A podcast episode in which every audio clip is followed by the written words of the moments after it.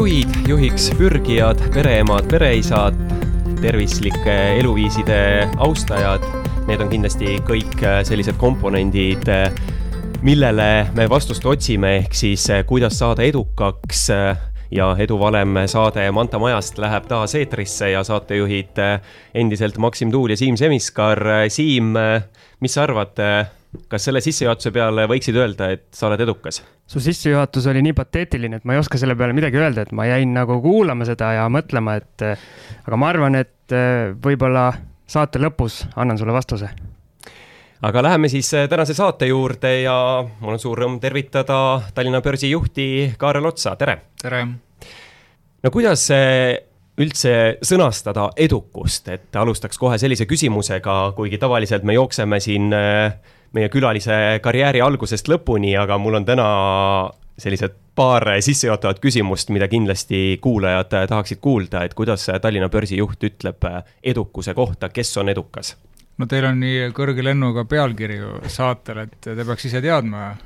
ma küll ei tea, mis edu, edu tähendab, et see on ju no, võimalik defineerida niimoodi, nagu igaüks ise tahab, et äh, et noh, minu meelest ei ole sellel valemit, ma võib-olla rikun teie selle saate, saate nüüd ära, aga aga noh, natukene võib-olla filosoofilisemalt võttes, et noh, edukas võib ju olla selline inimene, kes noh, mõne teise inimese arvates on täiesti ma ei tea, elu hammasrataste vahel või, või noh, kellest teine ei saa üldse aru, et ma arvan, see on väga, väga indiviidis kinni ja tegelikult ma arvan, sõltub ka väga palju sellest, et kus inimene oma äh, arengus on, ma ei mõtle ainult äh, sellist ealist äh, arengut, aga ka noh, vaimses mõttes või, või karjääri mõttes, et kuidas äh, see edu siis noh, mingil ajahetkel tundub aga kes või kuidas peaks üldse edukust, ütleme siis hindama, et kas inimene ise peaks oma edukust hindama või edukust hindavad teised?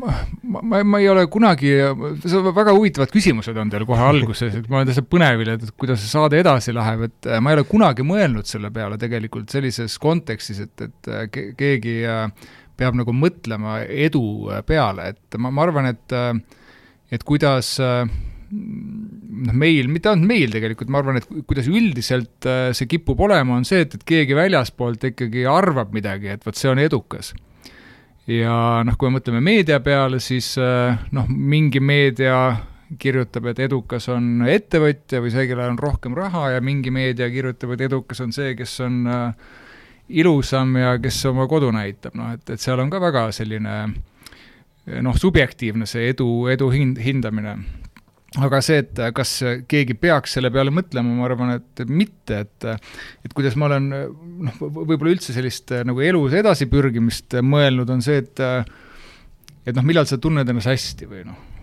edukana siis, võttes seda, seda sõna rohkem kasutusse, siis on ju see hetkeks, et kui sul on olnud mingisugune eesmärk ja siis sa püüdled selle poole ja siis sa jõuad sinna, eks, et siis sa tunned, et oh, äge et noh, ma arvan, et see võiks olla kõige lähem noh, definitsioon, et, et sa oled edukas.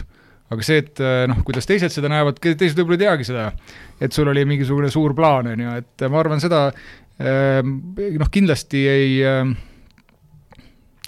noh, ei ole vaja nagu üle tähtsustada, mis teised arvavad, et see on võib-olla selline üle või noh, ära leierdatud väljend, et teiste arvamus pole tähtis, aga ma arvan, et enamus sealt ei olegi me saate nimeks just panimegi edu valem seetõttu, et mitte, et me ise väidaks, et me teame, mis see valem on, vaid me tahamegi külaliste abiga nagu leida, kas üldse on selline asi nagu edu valem ja mis see siis olla võiks ja siiamaani minule tundub, et kõigi inimeste jaoks ongi see midagi erinevat ja lõpuks see taandub sellele, et see inimene ise on endaga rahul ja on õnnelik. no raske on vastu vaielda sellele, et äh, et ma arvan, et noh, me nüüd, me jõudsimegi sinna, et, pole olemas seda, et kas me nüüd lõpetame saate ära või? ei ei, mul on tegelikult äh, kaks äh, veel sellist äh, sissejuhatavat küsimust, mida ma tean, et kuulajad tahaksid, et ma kohe ära küsin, kuna meil on Tallinna börsi juht stuudios. number üks on see, et millal tuleb järgmine IPO? Ehm, kaks tuhat kakskümmend, kui kõik läheb hästi. ehk et käesoleval aastal. ja mis ettevõttel siis? noh, jälgige meediat ja teine küsimus kindlasti, mis tuleb ära küsida, on see, et millal saabub karuturg või siis veel mingi suurem krahh mm.? see on, mm-hmm. see on jälle selline tegelikult nõuaks pikemat vastust, et äh, viimase noh, mitte päris kümne aastaga, aga noh, see, selline ütlus on, et äh, noh, analüütikud ennustavad ette kuskil äh, üheksa kriisi viiest, eks, maailmas. noh, ja see praegune äh, ajalooliselt kõige pikem siis pulliturg on või noh, õigemini ei ole mingi erand, et jälle, tänuväärne on tehnoloogia, igaüks saab guugeldada, et kui palju ja ke-, kes on ette ennustanud, kohe tuleb äh, korrektsioon, seal on ka erinevad definitsioonid, mida korrektsioon tähendab, et kui palju turg peaks kukkuma, nagu tervikuna. et äh, ma arvan, et me elame väga sellises huvitavas äh, eksperimendis praegu, et keegi ei tea, kuidas see lõpeb ja ma ei ole küll see nüüd, kes ennustama hakkab siia, et äh, ma, ma olen äh, noh, täiesti veendunud selles, et seda on võimatu ette ennustada. et kõik, kes seda räägivad, nad räägivad tagantjärele ja tegelikult, kui sa vaatad ajaloos, mitte keegi ei ole mitte kunagi suutnud täpselt ette ennustada, millal algab, kuidas algab, mida mõjutab. et äh, ja ma niimoodi võib-olla seda, seda sõnastakski, et, et ma soovitan vähem pead vaevata äh, selle üle, millal see algab, sest et Äh, no see on jällegi, on võimalik ajalooliselt äh, tuvastada, et, et rohkem on ära käkitud võimalusi sellega, et üritataksegi ajastada midagi, mida no isegi kõige kõvemad professionaalid ei suuda teha, kui sellega, et elatakse lihtsalt need äh, võnked, langused, karuturud, kriisid, mis iganes üle kannatlikult et seda tasub alati meeles pidada. Ja seda jällegi, ajalugu toetab äh,, indeksi liikumised toetavad, aktsiahinnad toetavad. Mulle tundub, et äh, inimesed, kui nad arvavad, et nad on alati ise keskmisest paremad äh, liiklejad, samamoodi arvavad ka kõik väikeinvestorid ja võib-olla natuke suuremad investorid, et nemad on just need, kes suudavad kõik need võnked ja ja karuturud ja kõik asjad ette ennustada. ja see ei ole ainult sinu arvamus, et, et selle, seda on uurinud äh, äh, igasugused käitumispsühholoogid ja selline, ma ei tea, kuidas eesti keeles on, see on behavioral economics, eks, et kas see on käitumisökonoomika või? et see on kuskil selline kakskümmend viis aastat vana teadusharu, et, et seal on tehtud kõvasti uuringuid seesama, mida sina mm, tõid välja, see auto juhtimine, seda on tehtud mitmes kastmes alates seitsmekümnendatest, uuritud ja see ei ole ainult selle, selle valdkonnaga, et, et kui sa küsid inimese käest, äh, erinevate gruppide käest, siis valdav enamus, see nüüd uuringute lõikes äh, on erinev, aga noh, kuni üheksakümne protsendini välja, peab ennast keskmisest paremaks. ja seal ei ole vahet, et kas me räägime autosõidust, investeerimisest, lihtsalt see protsent on natukene teine, aga enamus peab ennast paremaks kui keskmine. ja ma ei tea, kes on äh, selle, selle saate kuulajad aga noh, kui te vaatate, et kes neid kriise ette ennustavad ja ma ei räägi üldse Eestist, need ongi tippspetsialistid, kes on viimase, ma ei tea, alates kahe tuhande viiendast aastast äh, ennustanud äh, kriise ette, mida mitte ühtegi ei ole, ei ole tulnud, eks. et noh, mida selle infoga teha, et ma tõesti jah ähm, soovitan jah, ise, ise mõtiskleda ja, ja noh, pigem niimoodi mõelda, et, et kui teised ei suuda ennustada, ette, ei ole kunagi suutnud. et mida ma siis äh, paremini tean, et kas mul on mingisugune insider info ja see insider info peaks siis olema no kuskil äh, noh, äh, globaalsetes keskpankades ja ja suurte, suurte rahajuhtide näol, et, et kuidas ma tean seda. ma ei ütle, et ei pea trende jälgima, aga, aga jah, et ähm, kui, kui ikkagi jah, see on olnud väga keeruline pihta saada ka varem et miks nüüd või miks nüüd peaks pauke tegema uutmoodi. aga samas kui ütleme, see vastus algas sellest, et nüüd on olnud ikkagi väga pikk äh, nii-öelda pulliturg, et, et sellest lähtuvalt kas siis lihtsalt teha seda noh, järeldust, et olla nii-öelda, ma ei tea, ettevaatlik, natuke tagasi tõmbunud, kas see on siis nagu rumal otsus või? ma, arvan, et me täna räägime siin noh, mitu korda seda, et äh, või vähemalt mina räägin sellest, et, et mulle ei meeldi äh, selline, selline keskmine, keskmine mitte milleski. et ei ole olemas keskmist inimest, ei ole olemas keskmist investeeringut ega keskmist aktsiat või mitte midagi sellist ei ole tegelikult olemas. aga väga, väga tihti, kui me räägime, no meedia kõige levinum äh, väljend börside kohta on see, ta teeb kahte asja ainult. mida ta teeb? Kas ta rallib või ta kukub kivina. ta ei tee kumbagi tegelikult, see tegelikult noh, liiguvad ettevõtete aktsiahinnad seal, on ju.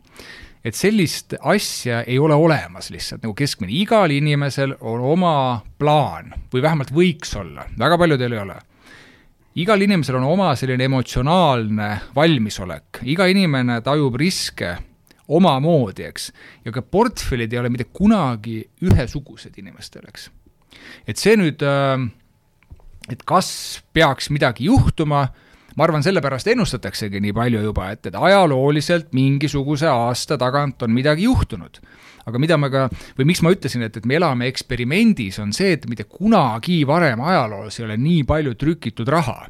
ja mitte kunagi ajaloos ei ole nii, äh, ütleme, viidud siis intressitasemed negatiivseks, et me näeme täna hoopis selliseid äh, noh, teistsuguseid või võib-olla siis ütleme sellisele analüütikule ka uh, uusi asju.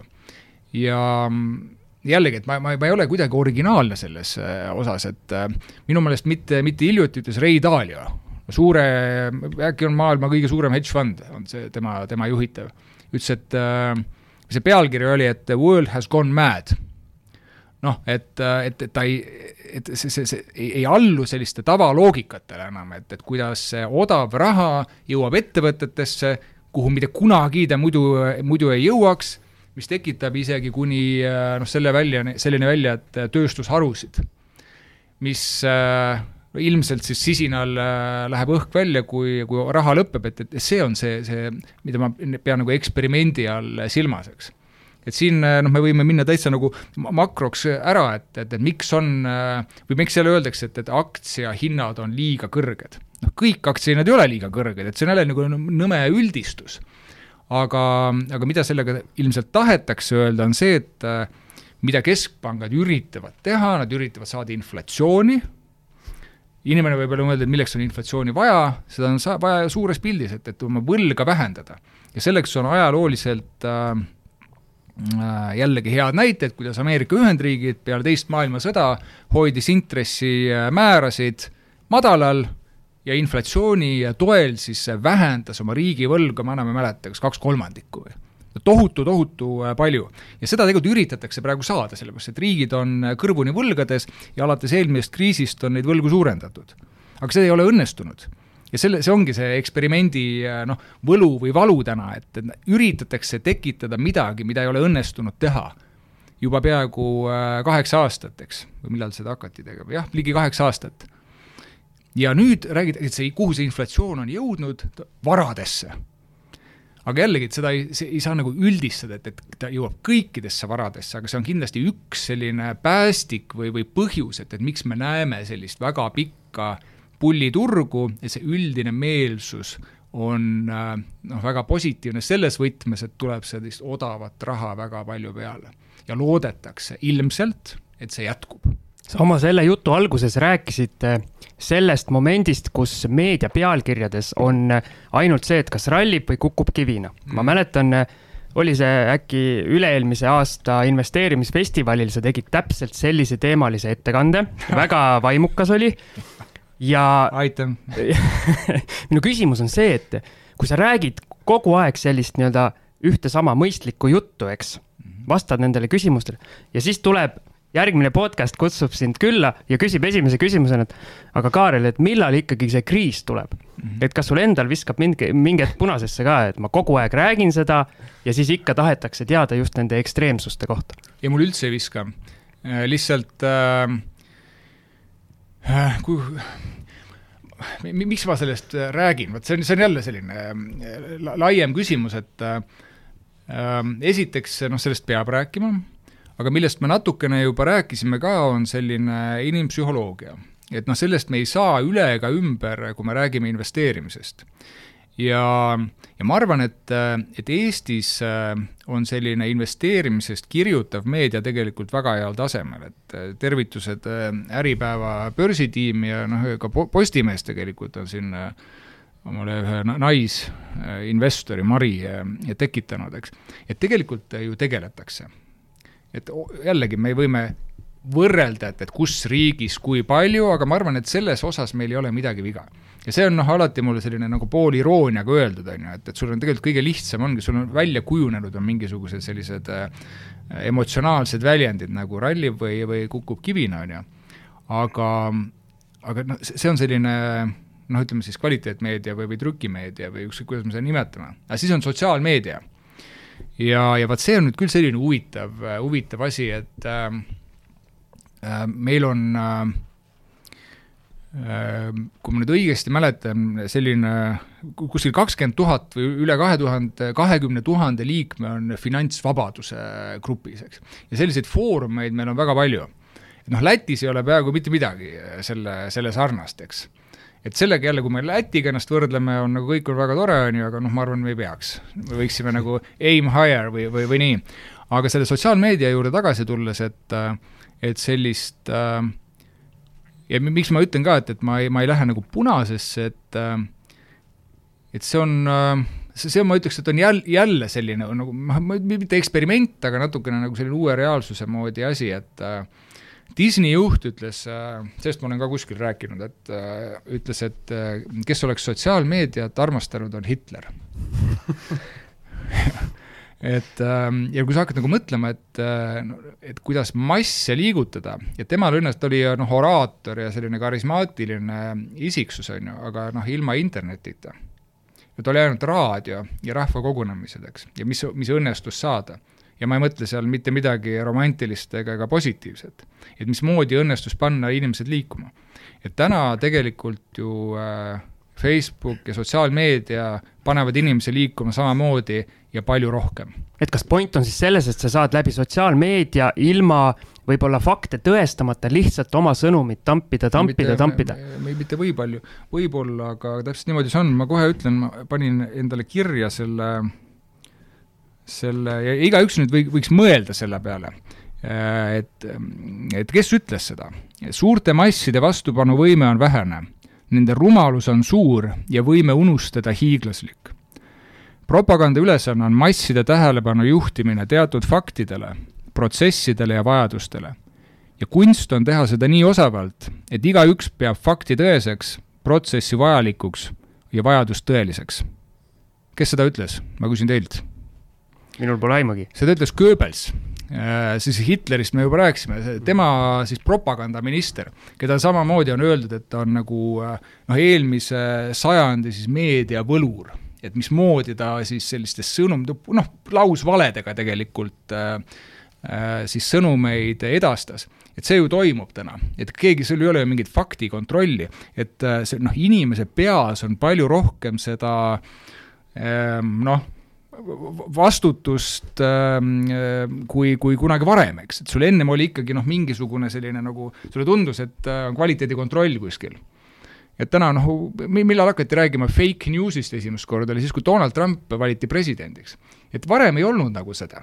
et see on ju süveneb ja süveneb ja süveneb ja selle, see on ka põhjus, et, et miks äh, see oli alles hiljuti ju, et Facebooki ees olid meeleavaldused peakontori ees, et kuna nad keeldusid poliitreklaami keelamast, samas kui Twitter ja ma ei mäleta, keegi, keegi teine vist äh, tegid selle ära.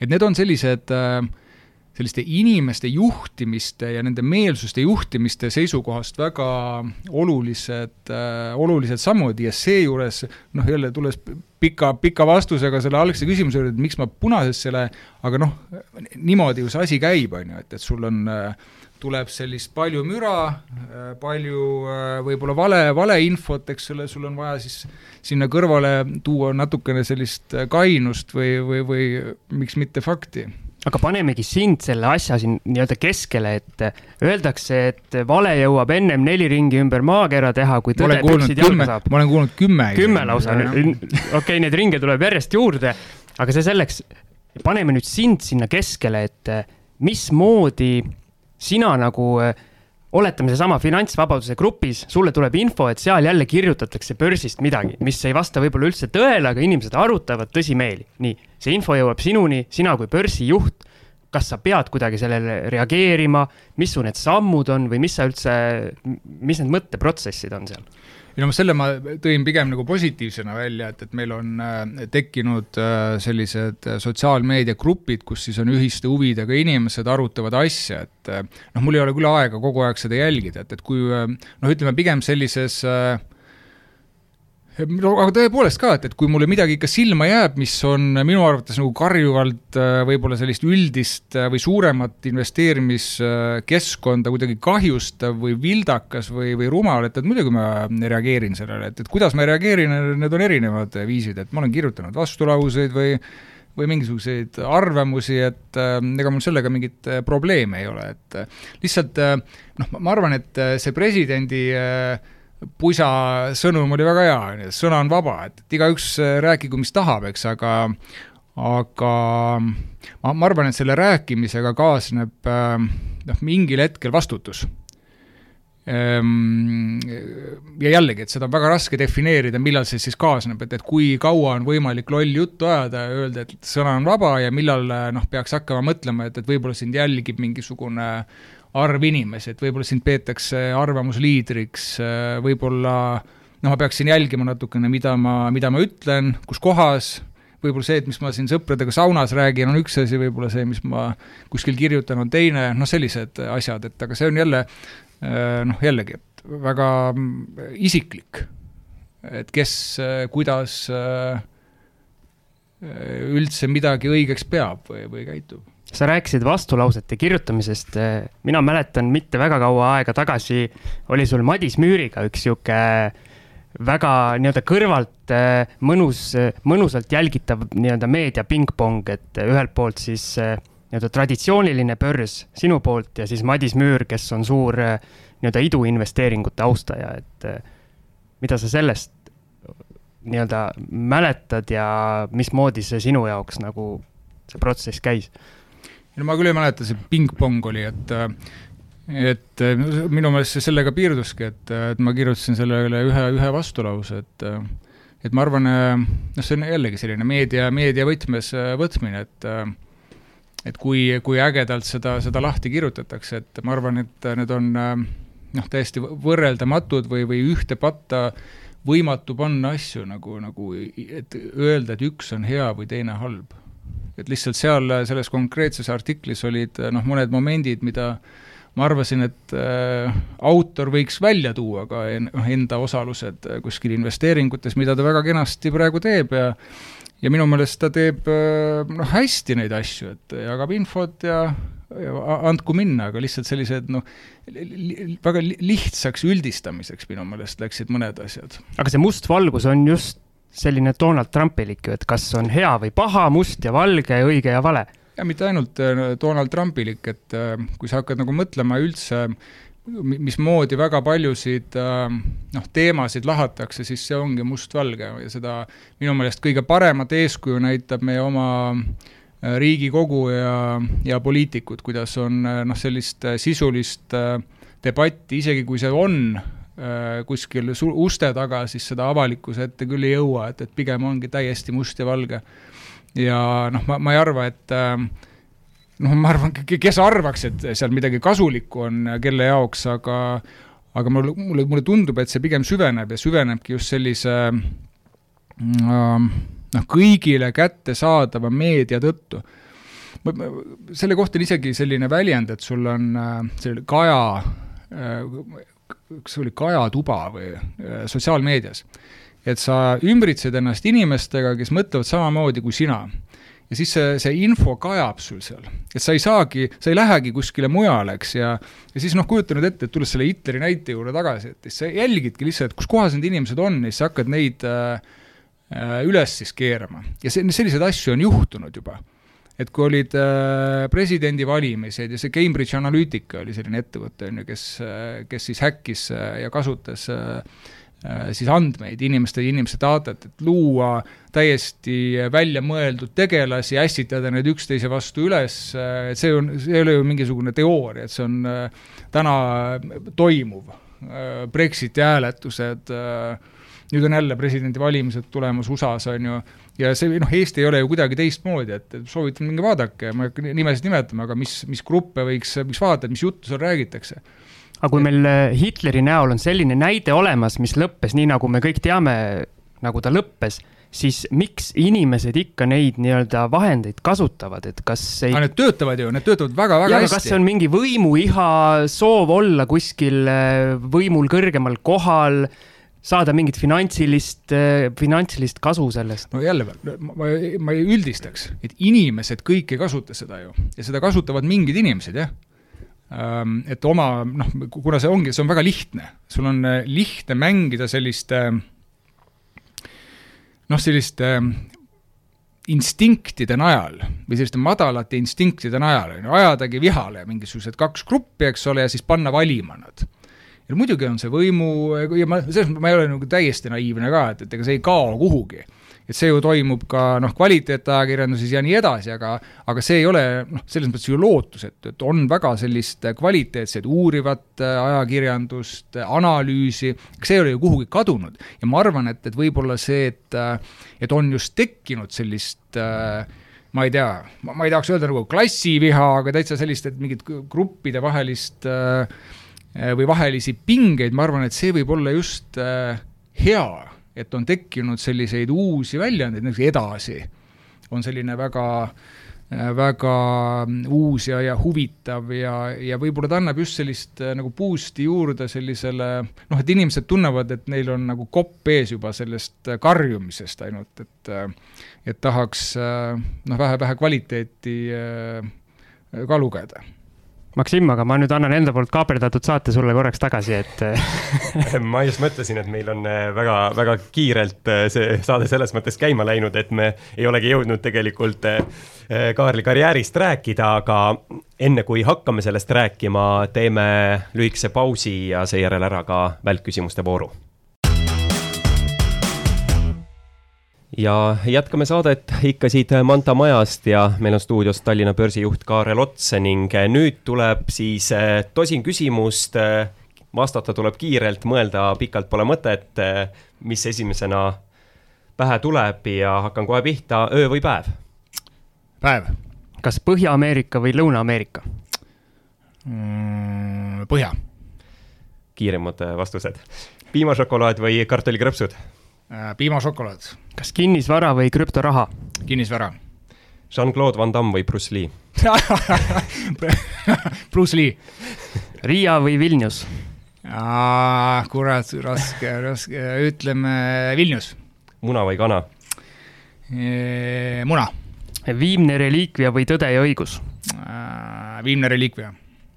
mobiiltelefon või sülearvuti? mobiiltelefon. ülikond või dressid? ülikond pangakaart või sularaha? Äh, ma tahaks öelda sularaha, aga ma pean ütlema ikkagi pangakaart.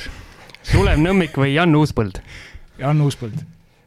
aga miks tahad öelda sularaha, aga ütled pangakaart? sellepärast, et ma kasutan äh, ikkagi äh, rohkem pangakaarti, aga ma olen tegelikult äh, noh, selles mõttes ma olen sularaha usku, et ma tahan, et äh, mulle, mulle ei meeldi sellised jutud, mis äh,, mis käivad, et, et sularaha võiks ära kaotada. minu meelest see on väga-väga libe tee.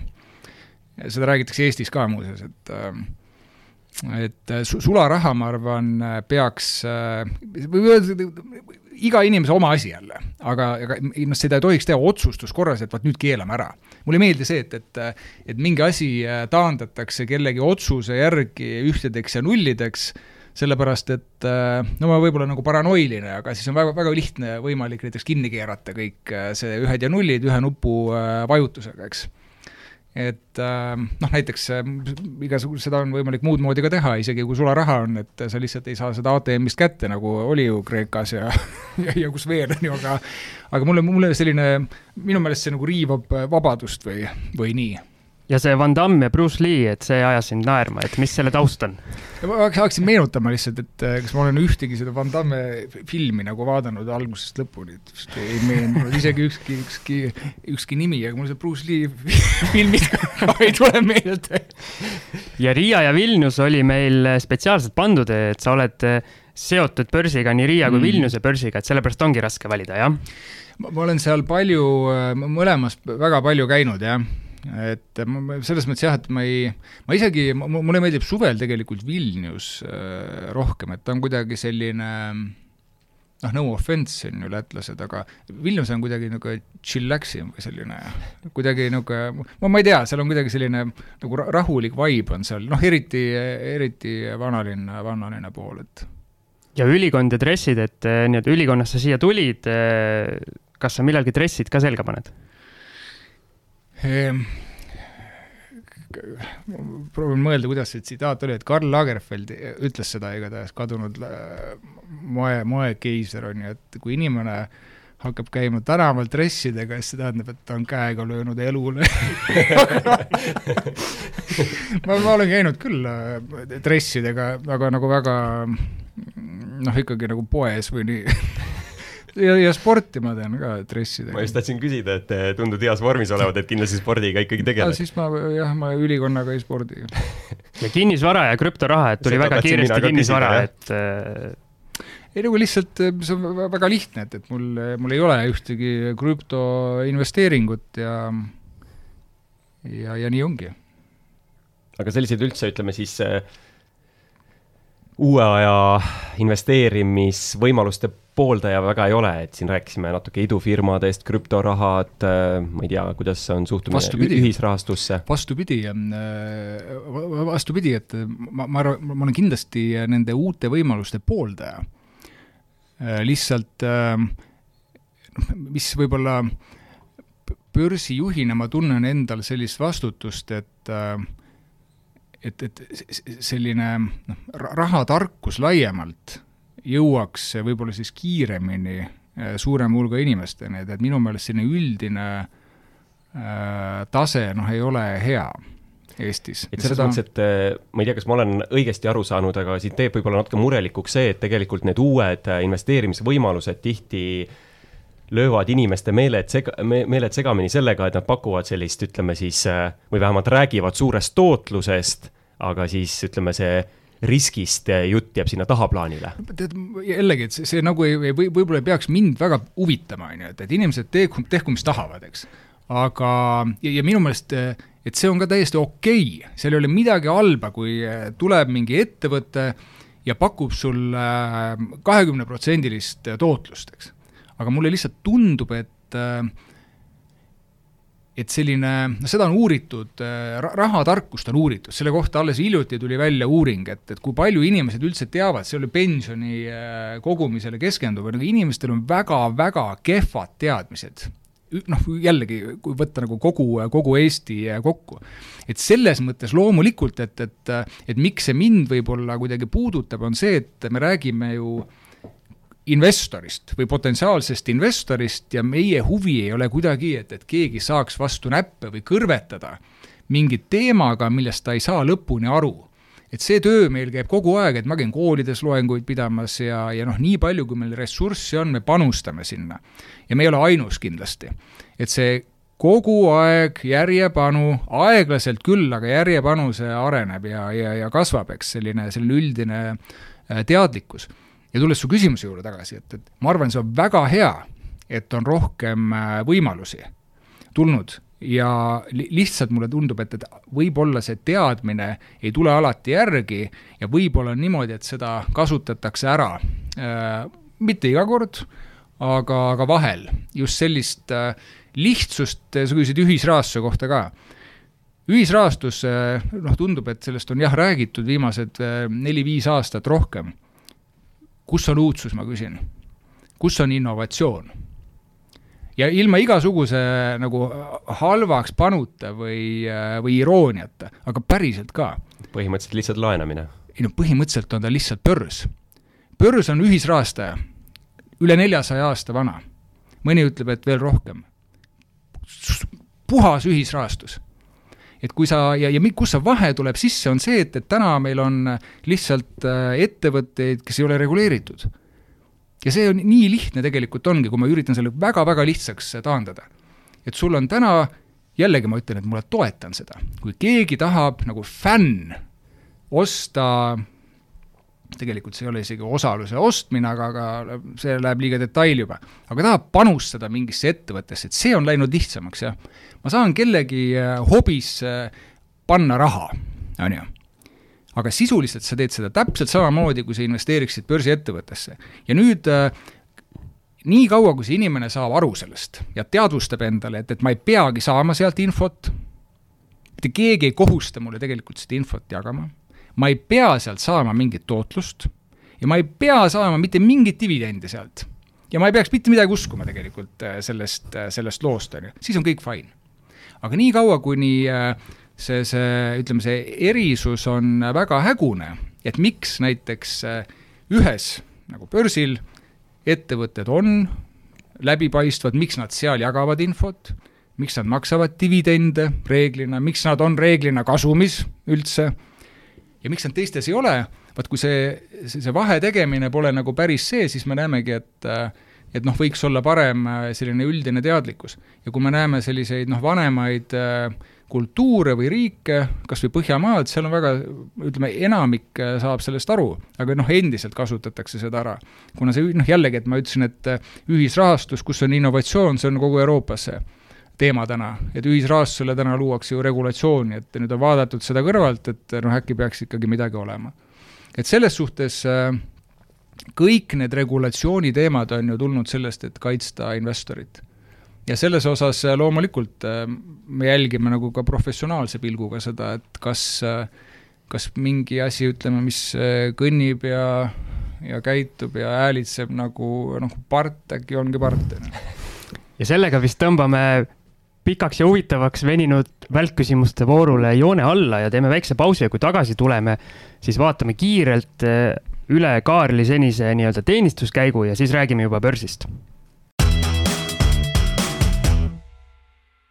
ja jätkame vestlust Tallinna börsi juhi Kaarel Otsaga, aga ma korraks eh, tuleks nii-öelda veel välkküsimuste vooru juurde tagasi, on, või õigemini, mul on üks eh, selline sarnane küsimus, üks või teine, ehk siis äh, Kaarel, kas äh, pigem äh, dividendiaktsia või kasvuaktsia?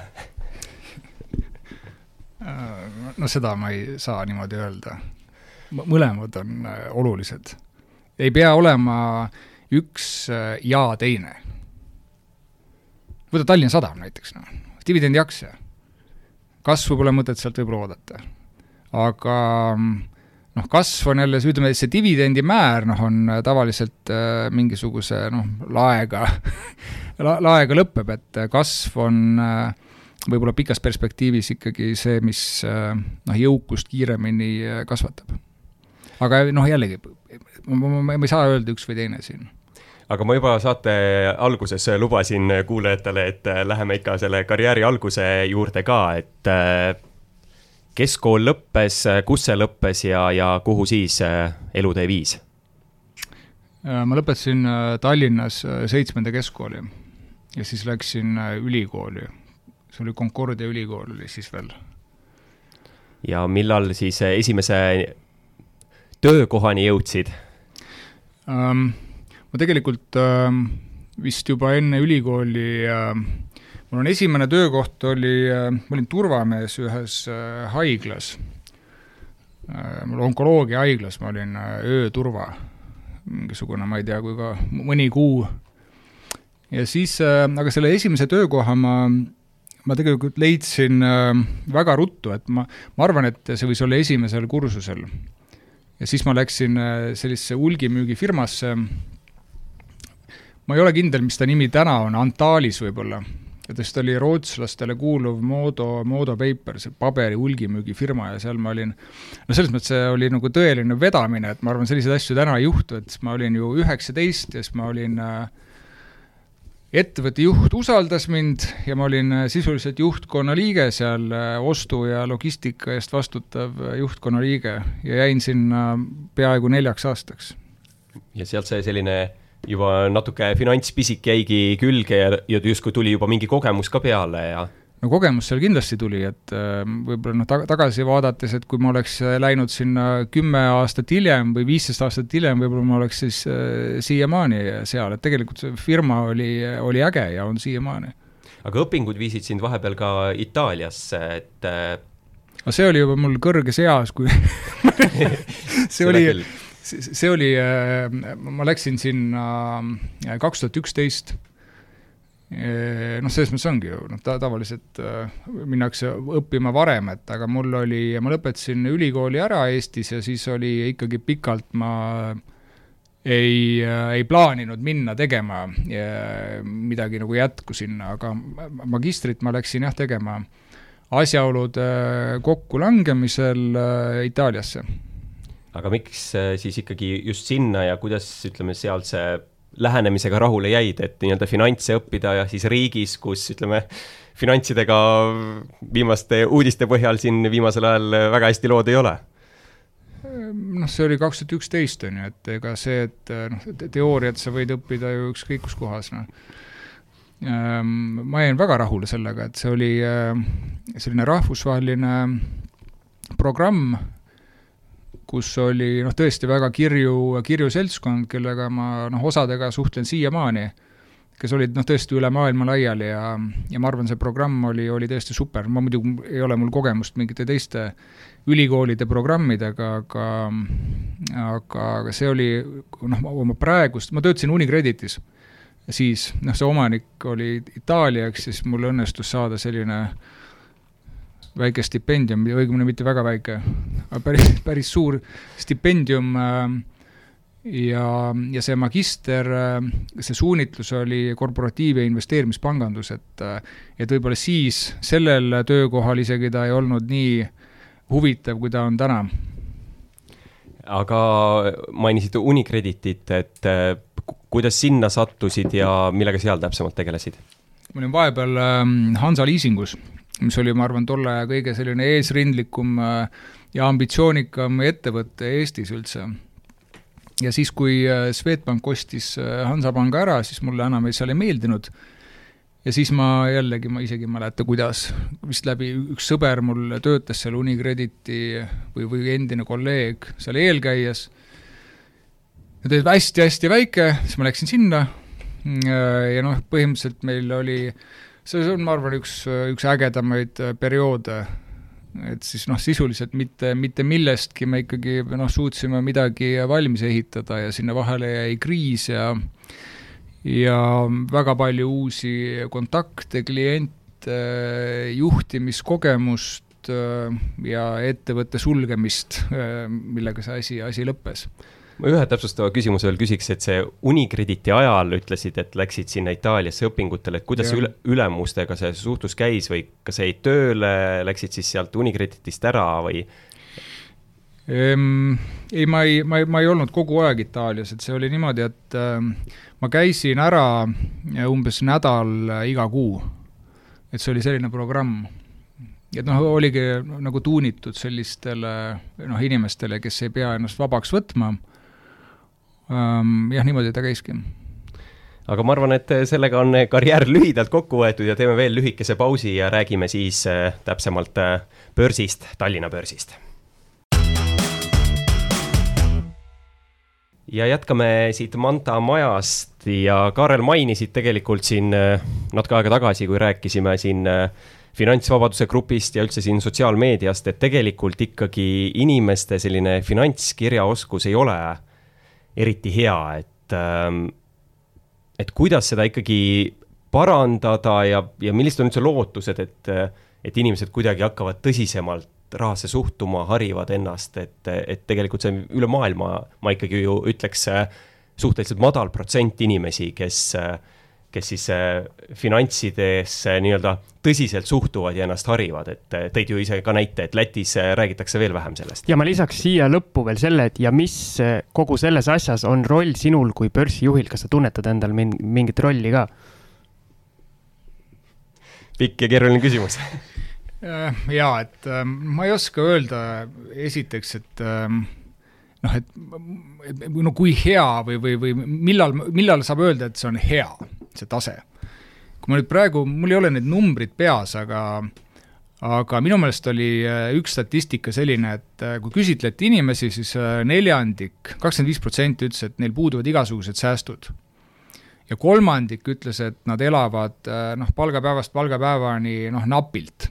ja see, seda noh, ma, ma, ma ei, ma ei taandaks seda lihtsalt finantskirjaoskusele, aga see üldine jõukuse tase, vahest tundub, et noh, räägitakse jälle, et meil on jube palju deposiite. see koondub tegelikult suhteliselt väikse hulga inimeste kätte et ük-, üks pool on see, et üldine selline jõukuse tase on võrreldes riikidega, kes ei ole olnud Nõukogude Liidus viiskümmend aastat madalam, mis on täiesti mõistetav. aga mida saab parandada ja sa ütlesid, et maailmas noh, jällegi, et ma, ma ei oska niimoodi nagu üldistada seda, et ma pigem seda ei teeks. et, et kõik sõltub ju sellest, et mida me mõõdame. Et minu arvates on see oluline, et, et igaüks saaks endaga hakkama.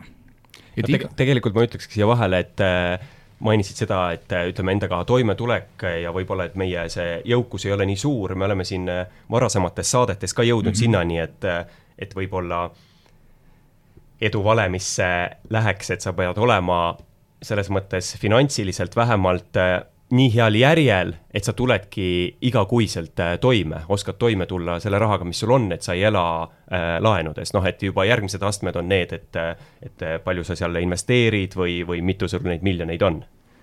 aga, aga niimoodi ta ongi ja noh, võib-olla ei, ma, ma ei, ei plaaninud sellest üldse rääkida täna, aga, aga minu meelest üks selline noh, halb näide ongi see, et, et kuidas äh, kuidas tegelikult võiks ja peaks äh, seda arendama, äh, finantskirjaoskust on läbi äh, kooliprogrammide. aga kuidas tegelikult tehakse, on, tehakse mingi kokku klopsitud pensionireform ja siis vaadatakse, kuidas inimesed sellega hakkama saavad. et minu meelest see on nagu kurioosne täiesti. et meil on teada, et see üldine teadlikkus on madal, on küsitud isegi, kas te teate, kui palju või kus kohas teil pensioniraha on, keegi ei tea, noh jälle ma, sorry ma ütlesin, et ei üldista, ma üldist ise ka, väga paljud ei tea. ja kooliprogrammides, nii palju kui mina olen suhelnud koolijuhtidega, öeldakse, et see on üks osa ühiskonnaõpetuse või mingisugusest suurest programmist, aga seda ei ole võimalik viia kohale siis õpilastele piisavalt heal tasemel ja see kõik taandub rahale. ja siis meil räägivad äh, kas ministrid või, või Haridusametist, et noh, raha polegi kõige olulisem, et, et siin on jällegi minu meelest selline nagu karjuv äh, vastuolu. et kui me vaatame, meil ei ole vaja üldse väga kaugele minna või väga pikalt guugeldada, üle lahe, Soome, Rootsi, Skandinaavia maad, eks ole, ei ole olnud sõda, on pikalt äh, rahulikult saanud arendada investeerimiskultuuri, me teame, kui me räägime lihtsalt investeerimisest, aga ma räägiks üldse säästmisest, et kõik algab ju säästmisest pihta. ja mina arvan, et see peaks olema kooliprogrammis äh, ühel või teisel moel kooli, ütleme, nende õppekavade osa mitte mingisugune eraldi, kas ajalootunnis või ühiskonnaõpetuses äh, õpetamine, aga sealt peaks algama. Ja niimoodi ongi võimalik seda õpetada, ei ole võimalik seda teha mingisuguste loosungitega, äh, ma ei tea, kihutustööga, reklaamikampaaniatega. ja see ongi, äh, ja see on keeruline. Ja siis, kuna see on keeruline, siis seda on lihtsam mitte teha ja öelda, et las teised teevad. Väga hea, et sa selle jutu nii-öelda kooli ja kooliprogrammide juurde tõid, et minu, minu keskkooli lõpp jääb umbes kahekümne aasta taha ja mina ei mäleta, et kuskil koolis, ükskõik mis vanuses, oleks õpetatud mit-, midagigi rahamaailmast, börsist, isegi, isegi sellest, kuidas oma elektriarvet maksta, kui sa oma esimese mm elukoha saad.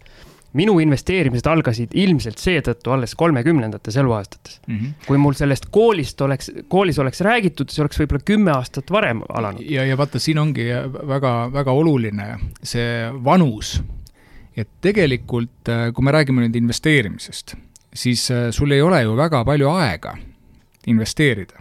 mõni mõtleb, et ma elan igavesti, no palju õnne, edu. aga see aken on ju tegelikult väga lühike, millal sul hakkab tekkima vaba raha. ja ma ei räägi siin ettevõtjatest, me räägime ikkagi, noh, enamus inimesi käib tööl, teenib palka, siis saab lapsed mingi hetk üldiselt siis jälle. ja siis hakkab jääma mingi hetk raha üle. aga see aeg on väga lühike. mis on investeerimises oluline, on aeg, et seda teha kaua. ja mida varem sa saad selle info kätte, kõik ei pea alg-, hakkama investoriks ma arvan, et see on üldse selline mõtteviisi küsimus. et kui ma, ma küsisin ühel, ühel konverentsil, kus muuseas oligi rahatarkusest, oli selle, ühed naisinvestorid olid kokku kutsunud, väga tänuväärne üritus, siis ma küsisin, et, et kui palju on investoreid publiku hulgas, no mõned käed tõusid. aga tegelikult ju kõik investeerivad. aga nad ei investeeri kõik rahalisse, et kes investeerib aega, kas või näiteks äh, ma ei tea, harjutab mingit pilli või harjutab või viib kedagi trenni või see on ju tegelikult investeering, investeering on, äh, kui me võtame hästi äh, lihtsustatult ühe lausega, see, et sa täna paned midagi sisse, loodad tulevikus saada rohkem tagasi. ja selle kohta ka on väga mustvalgelt noh, jällegi, et mida, mida kõik toetab selline meediaruum, on see, et, et kui ma olen investor, järelikult ma pean olema finantsvaba. no ei pea ei pea, et, et sa võid ju, see on, see on mõtteviisi küsimus. väga paljud on, ma olen lugenud ka kuskil, et mis mõtet on üldse säästa, inflatsioon sööb selle ära. aga tehke arvutus, isegi ei pea võtma Excelit või arvutit äh, või kalkulaatorit, on ju, pange lihtsalt, kirjutage numbrid, on ju, et kui sul on, äh, paned mingisuguse summa kõrvale ja oletame, et sul on inflatsioon, viis protsenti, täna pole ju et no palju siis ikkagi, kas on niimoodi, et inflatsioon sööb kõik ära? no kõike ei söö. et sul on ikkagi, on mingi raha ja noh, sa ütlesid, et, et koolist ei mäleta, mina ka ei mäleta. aga mul oli äh,, mu tädi äh, elas äh, või oleks saanud eelmisel aastal sajaaastaseks. Ta elas ka kõrge eani, aga tema teadis, et peab säästma. ja oma väiksest pensionist, ma isegi ei tea, kui palju see oli, tema suutis säästa iga kuu et, et see on vaata see mõtteviis, on ju, et tema jälle ei olnud investor, oleks tal olnud võib-olla rohkem natukene, küll ta oleks äh, hakanud ka paigutama. aga tema oli jah, selline, et, et kogu aeg on vaja natukene kõrvale panna, et see kõik algab sealt. et mismoodi see kooliprogrammis peakski välja nägema, ma arvan, neljas klass juba võiks ole, olla mingisugune selline äh, noh, kuskil, äh, kuskil kavas sees. aga tulles selle just konkreetsemalt börsi juurde tagasi, kas meil see nõukogude taak on see, mis seda börsi, ütleme nii, et käima minemist ka nagu tagasi hoiab, et sa rääkisid Rootsist ka. mäletame, kui need Swedbanki raskused siin olid. Swedbanki aktsionäride koosolek oli, oli pensionäre täis, kõik hääletasid, kõik võtsid sõna. meil nõukogude ajal sellist asja nagu börs ju ei eksisteerinud praegu needsamad õpetajad, kes koolis noortele haridust annavad, on selle aja inimesed ja nende jaoks see börs on midagi väga tumedat, midagi kahtlast. seal liigutatakse ainult miljoneid ja miljardeid, et selline tavainimene pigem ongi nii, et paneb oma raha madratsi alla ja vaatab, vaatab, mis edasi saab. oota, nüüd sa küsisid, et kas ma lähen äh, nagu punasesse ka, et vot nüüd ma nüüd sa, nüüd sa said, on ju, et äh, et see on jälle selline nagu hull, hull üldistamine Äh, aga selleks ma siin olengi. väga hea, tahtsin sind tänada. et äh, loomulikult, ütleme sellest Nõukogude taagast ei saa üle ega ümber, et äh, selline üldise säästu kogumine, meil on lihtsalt olnud vähe aega. see on noh, kivõõn, on ju. aga see, et et kui me mõtleme nüüd noh, meie börsi koht peale, sa ütled, et pole käima läinud, defineeri et millal, millal saab öelda, et, et nüüd läks käima? ei no selles mõttes, et eh, kui me võrdleme neid samu Põhjamaid, kus on sadu aastat börsi ajalugu mm -hmm. ja meil on eh, see iseseisvus mm, -hmm. iseseisvumisaeg kolmkümmend aastat mm, -hmm. siis eh, Ja. kui me seal võrdleme, siis okei okay,, võib-olla käima läinud ei ole kõige parem nii-öelda väljendus, aga kui see sind punasesse tõmbas, siis ma nagu sain oma eesmärgi täidetud. väga-väga hea, ja ma, ma lõpetasin eile muuseas sellise raamatu mille kirjutas äh, Jordan Peterson.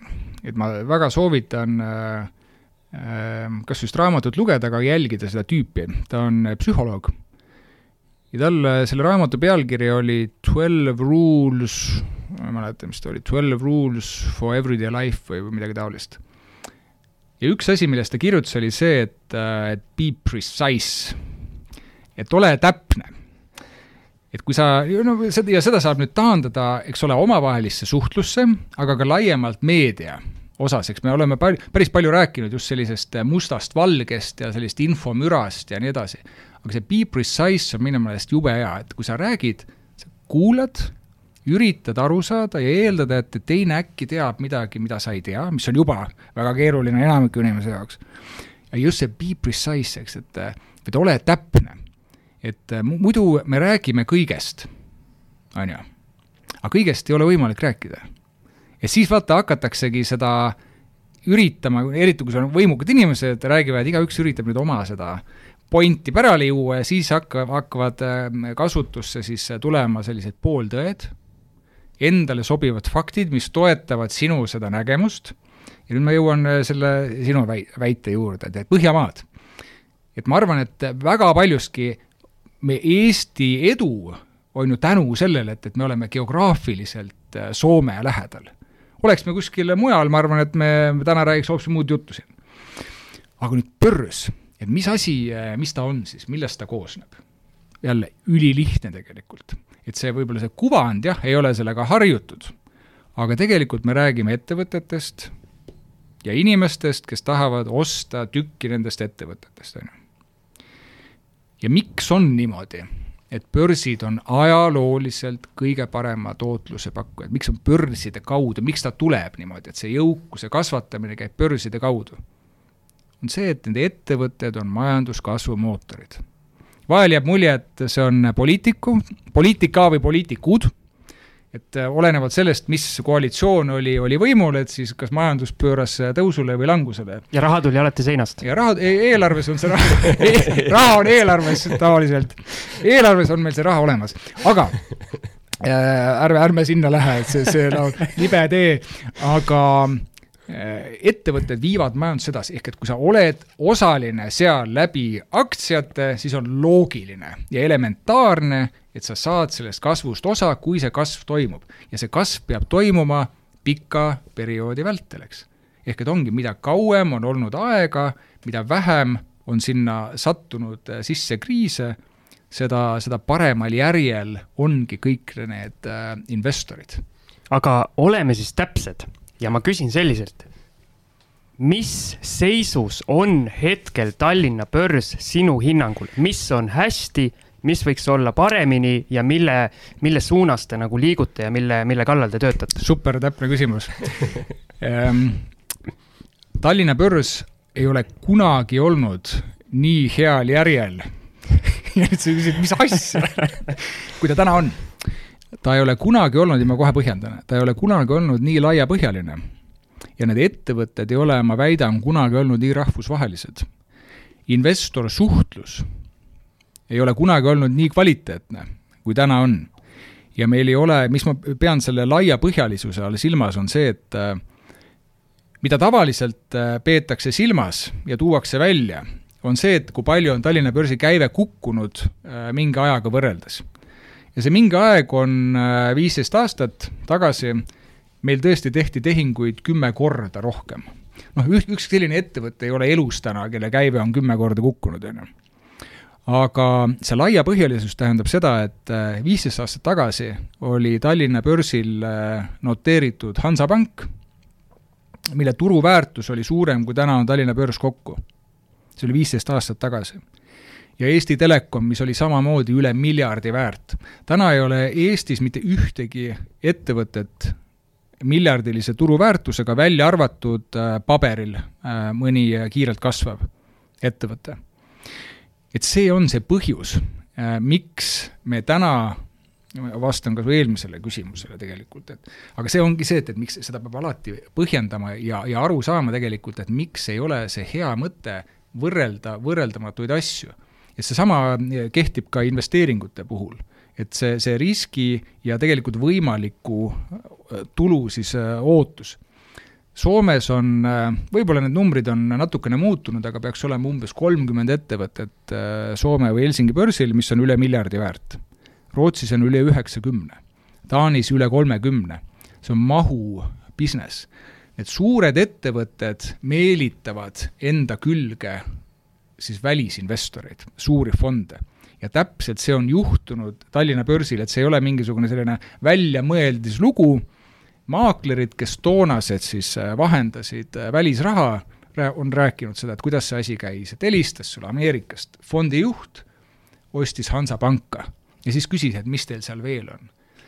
ja Hansapank ja Eesti Telekom moodustasid kaheksakümmend viis pluss protsenti kogu Tallinna börsi nii äh, treidingust või käibest siis, kui turuväärtusest noh, nagu räiged ekstreemumid. et ükskõik mis valdkonnas need ekstreemumid on alati noh, kui nad on olemas sul, siis on hea, kui nad ära lähevad, siis on halb, et need, see kukkumine oli märkimisväärne.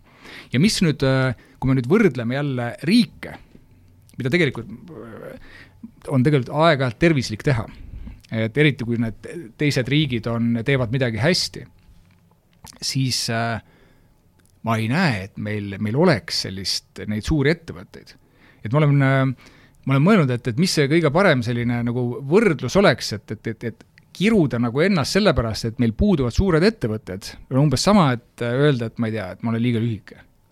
et ma ei saa midagi teha sinna. et äh, ma ei saa midagi teha sinna. et niimoodi on lihtsalt, aga see ei tähenda, et, et meil äh, meil ei ole võimalik arendada seda börsi noh, kõige paremal äh, viisil ja ma arvan, et meil, meil on see õnnestunud tegelikult äh, ka peale seda, kui need suured ettevõtted ära läksid. ja see on ka peamine põhjus tegelikult, et miks ma nii palju räägin nendest riigiettevõtetest. et mis ei pea minu meelest olema poliitikute noh, juhitavad, mis õnneks on ka nüüd muutunud, ma ei tea nüüd, kuhu see nimetamiskomitee uudis, kuhu see tüürib, aga nad ei pea neid ka omama, riik ei pea omama neid ettevõtteid ja need on suured Tallinna Sadama näitel oli, äh, oli ju näha, et, et mismoodi see tegelikult elavdas. nii andis võimaluse meie mm, kodanikele, kui tõi tegelikult sellist välisraha. et see on see, mida saab teha otsustuskorras ja kõik muu on tegelikult ju see, mis äh, sellest äh, võidab. ettevõtteid on rohkem, tõsi, käive on madal, et sa küsisid, et mida ma tahaks teha, ma tahakski see, et meil oleks rohkem ettevõtteid ja rohkem treidi. aga ma annan täiesti endale aru, et et see eeldab suuri ettevõtteid. jaeinvestori seisukohalt ma arvan, et ei ole kunagi see olukord nii hea olnud. räägitakse sellest, et likviidsus on kehv jälle, palun öelge, palju peaks olema siis, et likviidsus üldiselt ei ole kunagi kehv. likviidsus on mingi aktsia puhul, mingi ettevõtte puhul eh, võib olla teema aga, aga üldiselt jah, see pilt on tegelikult päris hea ja seda on öelnud ka päris sellised noh, tuntud investorid. et see Mm, ütleme, kvaliteet äh, ei ole olnud äh, nii, nii hea, kui ta täna on. mis ei tähenda seda, et äh, meil on äh, vaja nüüd jalg, jalg sirgu lasta. mul rahva sees ringi käies on selline tunnetus tekkinud, et äh, nii-öelda Eesti investorkogukonnas on selline IPO nälg. Ja nüüd ma, ongi hea hetk sinu käest küsida, et äh, esiteks, mismoodi käib äh, selline ettevõtete, ütleme siis meelitamine või toomine börsile ja teiseks, kui palju selliseid ettevõtteid teil nii-öelda pipeline'is on, et kui paljudega aktiivne tegevus käib ja kui pikk see protsess üldse on ajaliselt mm,? see IPO nälg, noh, väga hea, et on, et ma arvan, IPO nälg on tegelikult igal pool. aga ma ütleksin siia äh, ühe sellise disclaimer'i jälle, et äh, noh, asi oleks äh, läbipaistev ja aus ka minu poolt, eks, et et mida ju tegelikult peaks ootama või otsima, mitte ainult IPO-t, aga see on ju kasv. ja noh, tõsi, et äh, me saame öelda, et, et viimased viis aastat on olnud päris hea IPO, päris nähtav ja edukas IPO igal aastal, millest on võimu, olnud võimalik osa saada ja see kasvuteema, et seda ei saa nagu noh, üle, üle tähtsustada, et see ei ole ainult börsiteema. ma soovitan seda kõigile endale meelde tuletada, kui nad investeerivad raha ka kuskile mujale, mis ei ole reguleeritud turg, mis ei ole börs. et mõelge, mida te vastu saate, no kui saate. kui ei taha midagi vastu saada, olete lihtsalt fänn, panete raha, annetate nii-öelda, siis on okei okay aga mõelge, et, et kuskohast te selle raha tagasi saate, et mis, mis selle ettevõttega peab juhtuma. ja see ettevõte peab kasvama. kui ta ei kasva suuremaks, siis ta peab äh, kasvama kvaliteetsemaks. ja see ambitsiooni teema, ma jõuan nüüd kohe sinu äh, vastuse või küsimuse juurde, et see ambitsioon on see, mida meie otsime. ja sest ilma ambitsioonita ei ole, ei ole võimalik kasvada. ja need ettevõtted nüüd kes on hiljuti tulnud äh, börsile. kui sa hakkad mõtlema nüüd äh, ükshaaval nende peale, hästi avatud, jagavad infot rohkem kui peaksid, tegelikult seda tean mina, seda investorid ei tea, nad on sellega juba tegelikult hakanud ära harjuma, et, et infot jagatakse mõnel puhul äh, iga kuu, tegelikult nad ei peaks seda nii tihti tegema, ja plaan, ambitsioon ja kasvuplaan. Ja kuidas see on siis äh, väljendunud äh, aktsiahindades? eks, etteruttavalt siis äh, noh, positiivselt ja, ja see ongi, no ma, ma arvan, et see see börsitöö on ühelt poolt selline, ma arvan, et kõik, kes meil töötavad, teevad seda sellise suure pühendumuse ja, ja kirega. et ta on, mõnes mõttes ta on lõppematu äh, töö. Ja teiselt poolt äh, noh, ei, ei, ei saa nagu öelda, et, et äh, need vanad klassikalised äh, näited, et et see on selline majanduse peegel oleks kuidagi täna, täna teistmoodi, et sa nagu näed seda nagu nii nii üheselt, et kas selline noh, on tahet midagi korda saata, kui palju neid ettevõtteid on, kes tahavad olla avalikud, et ta käib väga käes kät- või käsikäes sellega, kuidas, kuidas majandus liigub. ja me küsisime, seda ma olen ka kuskil juba, juba rääkinud et ei ole, ei ole siin uudsust, aga, aga et kõige paremini vastata, et keda, keda noh, meie ootame või milline see pipeline on. et meil novembris oli, oli targa raha konverents, et see on ka üks asi näiteks, mida me oleme teinud nüüd juba kaheksandat aastat. just, et investorkultuur areneks, me kutsume sinna nii börsiettevõtete juhte kui ka selliseid potentsiaalseid. ja eelmine kord meil oligi, oli näiteks Alexela Äh, Alexelast oli Aivo Adamson rääkimas seal ja, ja lihtsalt sellist äh, noh, ütleme, jagada sellist infot, mida võib-olla muidu kuidagi kätte ei saa. ja siis me tegime küsitluse.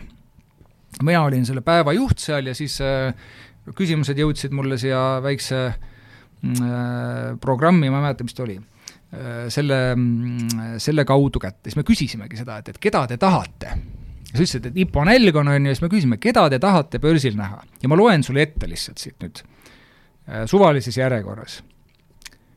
Enefit Green, noh, seda ma arvan, et võiks kaks tuhat kakskümmend oodata börsile. Alexela, Cleveron, Luminor, Graanul Invest, Inbank ja Magnetic MRO, nad täna on äh, võlakirjadega börsil juba, aga no oodatakse, et tuleks põhinimekirja. Bolt, Skeleton Technologies, Elering, Operail, Omniva, pakiäri oli siis äh, täpsustatud. riigi kinnisvara aktsiaselts, Tallinna Lennujaam, Olerex, Tere, Eesti Gaas, Postimees, Pipedrive, Bigbank. Et siia ma panin need, kes said nagu noh, kõige rohkem hääli, grupeerisin kokku et kui sa nüüd mõtled nende ettevõtete peale, siis see pipeline tegelikult on, on päris suur. et nüüd, kui suur on meie võime seda mõjutada ühele või teisele poole, noh, me võime tunda ennast väga hästi, ütleme, et, et kaunis suur ja tegelikult see nii ei ole. et mida meie saame teha, on seda, see, et anda maksimaalse panuse sellesse, et keskkond tervikuna oleks soosiv.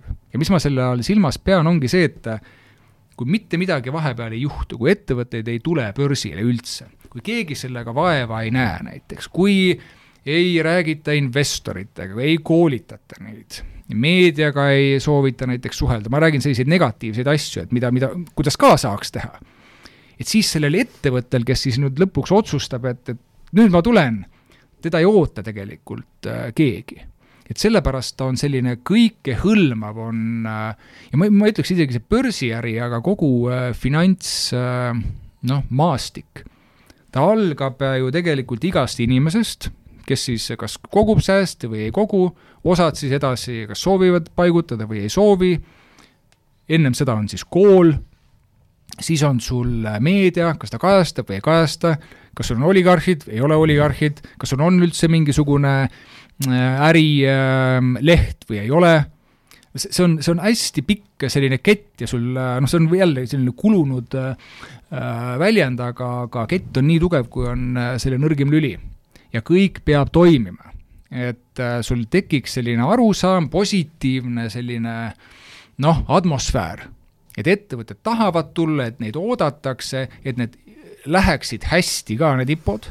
aga ma segan korra vahele, see nimekiri, mis sa nendest ettevõtetest ette lugesid mm., kas sealt nendest ettevõtetest on keegi, kes on jõudnud või ütleme nii, et soovivad börsile tulla ja on jõudnud sellest esimesest staadiumist kaugele puhtalt sellest tahtmisest siis kaugemale, kas sa saad üldse seda avaldada? no ma ise juba, juba avaldasin sulle no, ju, et, et, et Enefit Green on see, keda ei, seda me... küll, aga need teised? ei noh, seda me loomulikult ma ei saa avaldada, et seal, selles ongi äh, sellel on oma protseduur, et, et ega ettevõte ju noh, mis on jällegi natukene, mitte natukene, aga päris palju erinev ju ühisrahastusest, et äh, et äh, ettevõtted tulevad börsile nõustajate kaudu. Miks nad tulevad nõustajate kaudu, on see, et äh, seal on ikkagi see reeglistik on äh, kaunis äh, noh, kirju, ütleme siis, mida, mida, mida peab, peab tegema. Ja mida varem siis sa hakkad sellega tegelema, noh näiteks, kui sul on suur grupp ettevõtteid, siis sa pead kõigepealt ju hakkama oma seda organisatsiooni struktuuri muutma selliseks, et oleks hästi arusaadav, kes börsile tuleb. et see on selline info, eks, mida võib noh, keegi alustas seda juba aastaid varem, eks. et kas seda nüüd ütleme, et nüüd, nüüd oli start, noh, et ei, me ei saa niimoodi üldistada. LHV kunagi ju teatas äh, ligemale kaks aastat varem ju, et vaat me ta-, tuleme börsile. Ja siis hakkas see ettevalmistusprotsess. mõni ettevõte on äh, öelnud, et äh, noh, jällegi muidugi ei ole avalikult raha kaasanud, aga tuleb mõne kuuga et see kõik sõltub sellest, et kas tehakse avalik pakkumine, kui suur see ettevõte on, kas minnakse välismaale, no Tallinna Sadam näiteks tegi korraliku äh, roadshow välismaal ja Valdo Kalm kohtus vist saja investoriga, mis on jällegi nagu riigi promo mõttes äh, super. Ähm, kes on rohkem koduturule suunatud, siis kõnetavad seda, seda jaeinvestorit, oma siis tulevast omanikku ja ka klienti, eks potentsiaalselt. et need on väga-väga erinevad äh, mm, jah, väga erinevad lähenemisviisid ja siin ei saa ühte sellist üldistust tuua aga kuulasin siin ikkagi huviga ja, ja tõesti selles mõttes, äh, Kaarel, väga ilusti rääkisid just sellest, et et tuleks äh, nii-öelda investeerida ettevõttesse ja vaadata just seda ettevõtet, aga me tegelikult teame, et äh, ma ei taha jälle üldistada, et paljud, aga ütleme mm. siis mõned äh, ikkagi ostavad lihtsalt seda aktsiat, et äh, vaatavad, kui ma ei tea, seal lihtsalt selle noh, heal juhul mm -hmm. fundamentaalseid näitajaid, halvemal juhul üldse ma ei tea, mingeid kõveraid ja, ja, ja, ja selle najal nagu investeerivad, et, et, et sinu soovitus ikkagi oleks kindlasti vaadata seda ikkagi ettevõtet nagu tervikuna ja uskuda sellesse, et ma siin ise ka mõtlen, et olen käinud tegelikult mõnede börsiettevõtete sellistel koosolekutel äh, ja siis tegelikult on nii, et see, ütleme, ettevõtte juht tekitab selle hea emotsiooni või siis ei tekita, et ma mäletan, et korra äh, Harju Elektri puhul äh, ma läksin pärast sealt koju ja kohe ostsin aktsiat juurde, sest lihtsalt oli, oli nii veenev selle ettevõtte tulevik. Seesama Jordan Peterson, keda ma ennem nimetasin, ta ütleb seda, et äh, tänapäeva maailm äh, noh, viitab ka infole, kõigele sellele segadusele, on muutunud selliseks, kus nõu annavad need inimesed, kes seda kõige vähem võiks seda anda teistele. et ma olen üritanud seda, seda nagu jälgida, et, et ma ei anna mingit nõu, aga ma võib-olla, et vastata sulle, ma, ma, ma tõesti soovitan äh, lugeda ja, ja, ja õppida, et pidevalt ennast arendada ja sellepärast, et noh, ma, ma olen seda nii palju selliseid huvitavaid seoseid just leidnud läbi lugemise. Ja, ja, ja noh, ma arvan, et, et väga paljud suudaksid seda teha, just selline, see näiteks juhuslikkus. Taleb on, Nassim Taleb on sellest kirjutanud, kirjutanud palju, et et inimene arvab, et või kaldub pidama sellist õnnelikku juhust oskuseks ma arvan, et väga paljud, äh, kui mõtlevad enda investeerimiste peale, suudavad öelda, oh, sa küll ma panin hästi. mõni niisugune eriti uljas hakkab teisi õpetama veel, et, et kuidas ära tabada selliseid häid asju, aga tegelikult oli puhas kobin. Ja see ongi, et, et selles ei ole midagi halba. ongi hea teinekord kobistada ära. aga kui sa tead tegelikult, et sul inimesel üldiselt psühholoogiast tulenevalt on selline kalduvus, siis sa oskad selliseid asju ette näha näiteks, kas või, et kas, kas või teadlikult. see on täitsa okei okay,, kui sa teadlikult paned noh, kämblid natukene paned punane või must, noh, vaatame, mis see tuleb, eks. parem on muidugi see, et, et sul ei ole siis kahju ka sellest rahast ilma jääda. Sa ei hakka kuskil protesteerima, ei muutu siis närviliseks sellest. see on see teine pool, on ju. aga üldiselt jah, et, et mitte ainult lugeda sellist investeerimisalast kirjandust, kes ka muuseas, kõik need tuntud investorid ütlevad, et see kõige suurem vaenlane on ju inimese enda emotsioon. aga lugedagi psühholoogiat, et kuskohast see tuleb, et miks on niimoodi, et, et inimesed ei suuda ratsionaalselt väga paljusid asju äh, otsustada ja see on ülemaailmne Daniel Kahnemann näiteks, väga huvitav raamat jälle, Thinking fast and slow, miks nii palju otsustatakse intuitsiooni pealt, nagu sina tulid, ja emotsiooni pealt. et väga palju ollakse selliseid noh, ülimalt optimistlikud. Ja siin ta ütleb muidugi, et noh, kes on eriti optimistlikud, on poliitikud, on ju, et noh, võta meil, eks ole, kui ehitati seda ERM-i, siis öeldi seda, et, et äh, rahast pole küsimus, me ehitame selle valmis, noh ja mis tavaliselt juhtub, et, et äh, hinnad, äh, hinnad kergitavad, Šoti parlament läks kümme korda kallimaks. Et neid näiteid on igal pool, aga see, see, ongi hea, kui sa tead. ja vähemalt tagasi vaadates, et ma eksisin sellepärast, et et selline emotsionaalne pool, et mitte noh, olgem ausad, et äh, ma ei tea, kes on jalgrattaga sõitnud äh, kunagi äh, näiteks grupis, teab, kui, kui lihtne on grupis sõita. Noh, kiirused on sellised viiskümmend, kuuskümmend kilomeetrit tunnis ja pikalt saad lasta niimoodi. ma viitaks või võrdleks seda praeguse selle turuga et päris mõnus on niimoodi, et kui kõik äh, sinu investeeringud lähevad üles, sa oled, tunned ennastki äh, päris, päris hästi ja võib-olla natukene kõikvõimsana aga nüüd, kui see grupp eest ära läheb sul, siis sa jääd üksi ja siis sul tuleb äh, küljetuul. vot siis on ikka kuradi raske juba, et mõtled, et äkki roniks maha. Et vot siis ei, ei tohiks nagu investeerimises alla anda, on ju, et, et, et sul on sellised äh, positiivsed äh, noh, mõjutused, on ju, aga proovi mõelda, et kui neid, kui need ära kaoksid, kaoksid. Aga sellest börsiemotsioonist rääkides, ma nüüd viskan jälle ühe oma tunnetuse, viskan õhku, mis siin hästi ei ole mõjunud siin saates, aga mulle tundub, et inimestele ei jõua kohale väga hästi see kontseptsioon, et eh, see aktsia, mis siin kõigub, eks üles-alla, mm. roheline, punane, see ei ole mitte mingi eh, nii-öelda suvaline number, vaid see on, sa oled ikkagi nii-öelda omanik mingis suures ettevõttes mm. -hmm. et see kontseptsioon ei jõua inimestele kohale ja seepärast tehakse emotsionaalsemaid otsuseid, kui nähakse, et nüüd on, ma ei, ma ei tea, kaks või viis protsenti langenud. selle ettevõttega ei juhtu ju selle kahe tunniga mitte midagi. ma olen, ma olen sinuga täiesti nõus ja, ja noh, sa küsisid, et, et mida, mida mina teen või miks ma üldse reageerin, aga see, seda ma tunnengi, et, et seda ma saan äh, rääkida, seda, see ongi minu kohus, eks ole, selgitada seda. et miks äh,, miks see nii on ja see ei ole Eesti äh,, Eestis kinni ainult, et meil lihtsalt võib-olla on investoreid on veidi vähem kui näiteks Põhjamaades, on ju aga meil on ka, ma ütleksin, teadlikkus on kõvasti parem, kui oli viisteist aastat tagasi. et meil on selliseid investoreid kes aktiivselt panustavad äh, Eesti ettevõtetesse Tallinna börsil, neid on üle kaheksa korra rohkem, kui oli siis. aga mäletad, äh, et käive oli kümme korda suurem, et tegelikult seda käivet või seda treidingut äh, ikkagi noh, juhivad institutsionaalsed investorid. et selles osas noh, ei ole midagi halvasti, lihtsalt ongi, et, et võib-olla noh, protsentuaalselt neid on liiga vähe.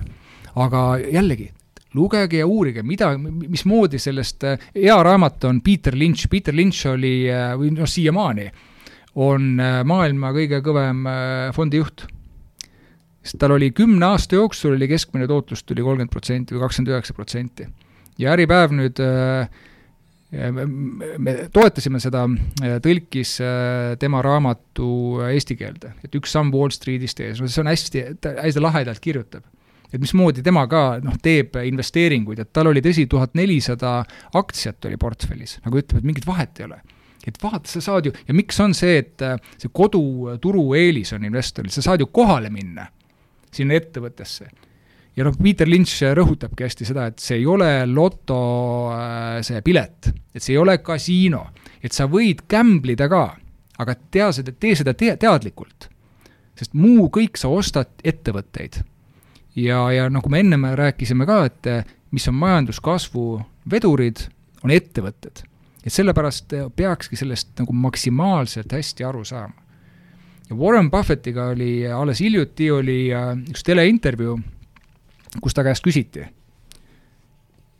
et kuidas selle, noh, nagu sina küsisid mu käest kohe alguses, et kuidas selle kriisiga siis on. ta ütles, et see vältimatu, see on vältimatu siuksed, noh, põhjendage. siis ta ütles, et, äh, et kriis on sellepärast vältimatu, et äh, et inimesed äh, panevad raha kohtadesse ja aktsiatesse, millest nad mitte midagi aru ei saa. aga nad panevad sellepärast, et nende naabrid, kes nad teavad või nende arvates on kõvasti rumalamad kui nad ise, saavad jõukamaks ja ostavad endale kallimaid autosid. ja siis nende abikaasa ütleb, et mis sina, mis sul viga on? ja siis inimesed panevad ka. Et nad lihtsalt jälgivad seda, et mis läheb üles ja lähevad sellega kaasa. et see on olnud äh, aastasadu peamine põhjus, miks tekivad mullid ja see on täpselt samamoodi ka nüüd, et nüüd me räägime lihtsalt sellest, et millal see tekib, aga need põhjused äh, noh, ei ole muutunud ja ma ei arva ka, et äh, ütleme, oleks võimalik vastu saada sellisele noh, inimpsühholoogiale. et me oleme siin juba jõuliselt oma piirajast üle läinud, aga kindlasti, mis ma tahan ära küsida. lõika välja mingid ebahuvitavad kohad minu teada sa ei tohi kodubörsile investeerida, on see nii? on küll, jah kas sa tunned, et see on selle sinu ameti juures see üks negatiivne aspekt, et sa ikkagi tahaks ju ka kodubörsile investeerida ja teiseks, kus sa siis investeerid? Ehm, hea küsimus, et ma olen äh, muuseas enne, enne Tallinna börsil tööle asumist äh, investeerinud, ma arvan, päris paljudesse Eesti äh, või noh, Tallinna börsil kaubeldavatesse ettevõtetesse.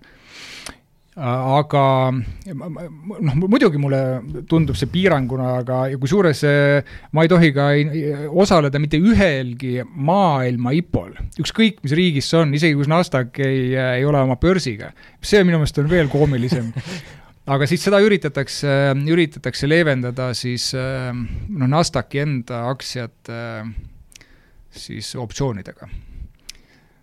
Et minu seda kaotusvalu leevendada, aga noh, mingeid te teisi väärtpabereid ma, ma võin osta, et, et mul on, see on no, päris pikka aega mulle on, mulle on meeldinud noh, jälgida nagu kõige targemaid, et noh, Warren Buffetti see Berkshire Hathaway on, on see, kus ma noh, olen jõudumööda ostnud ja noh, mõni ma noh, endale täiesti tunnistan, et, et ma olen ikkagi nagu spekanud ka sellist äh,, aga vähemalt äh, ma olen seda teinud teadlikult, et äh, lihtsalt üritanud saada mingisugusest üldisest kasvust äh, tükki. no mingite tehnoloogiaettevõtetega näiteks aga see on siis USA turg äh, või USA, on, või on Euroopa, Põhjamaad ka sul no, Põhjamaades mul on ka, ka näpuotsaga ka mingit sellist riskantsemat kraami aga vist ongi aeg eh, saade tasapisi kokku võtta ja ma võib-olla võtaksin tänase saate kokku sellise väikese tarkuseteraga, mis siin eh, Kaarlilt kuulates eh, tekkis, et kuula ikka selleks, et mõista, mitte selleks, et vastata. väga hästi, jah. Ja mina luban edaspidi olla tunduvalt täpsem aga aitäh, Kaarel, veel kord stuudiosse tulemast! suur tänu! ja kuulajad, leidke meid ikka üles suuremates podcast'i äppides ja rahajutud.ee portaalis. Kuulmiseni ka minu poolt